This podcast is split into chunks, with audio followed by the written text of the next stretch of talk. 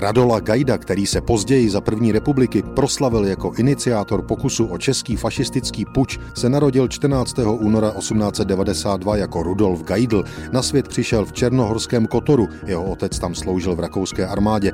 Matka byla schudlá černohorská šlechtična.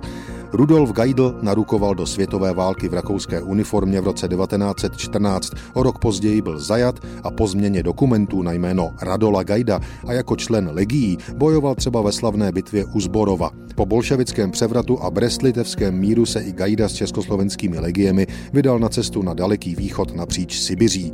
Už v 26 letech si Gajda vydobil uznání jako výborný vojevůdce. To uznávali i nepřátelé bolševiků bílí, kteří ho jmenovali velitelem své druhé divize s 20 tisíci muži. Radola Gajda tak vstoupil do služeb takzvaného svrchovaného vládce Ruska, admirála Alexandra Kolčaka. Kolčakova sibirská armáda s Gajdovými jednotkami dobývala jedno sibirské město za druhým.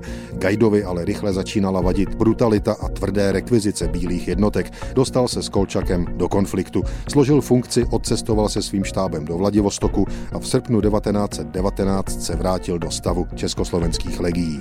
Současně ale kolem sebe ve Vladivostoku na vlastní pěst schromažďoval ruské důstojníky z Kolčakova okolí, přesněji řečeno ty, kteří proti svému vůdci za účasti gajdových jednotek chystali puč. Ten se nakonec ve Vladivostoku odehrál právě před stolety 17. listopadu 1919. Všechno ale skončilo katastrofou. Puč se proměnil ne naposledy v gajdově životě ve fiasko. Kolčakovi vojáci dokonce československého legionáře zadrželi a hrozilo mu to nejhorší. Naše legie ale v tomto ruském sporu zůstaly neutrální a i díky tomu Gajdu ze zajetí úspěšně vyreklamovali. Gajda musel veřejně slíbit, že se v Rusku už nebude angažovat. 28. listopadu 1919 i s ruskou manželkou a dvěma syny zemi opustil.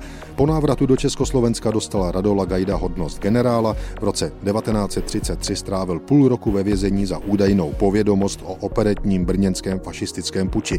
Zemřel krátce po komunistickém puči 15. dubna 1948. Thank you.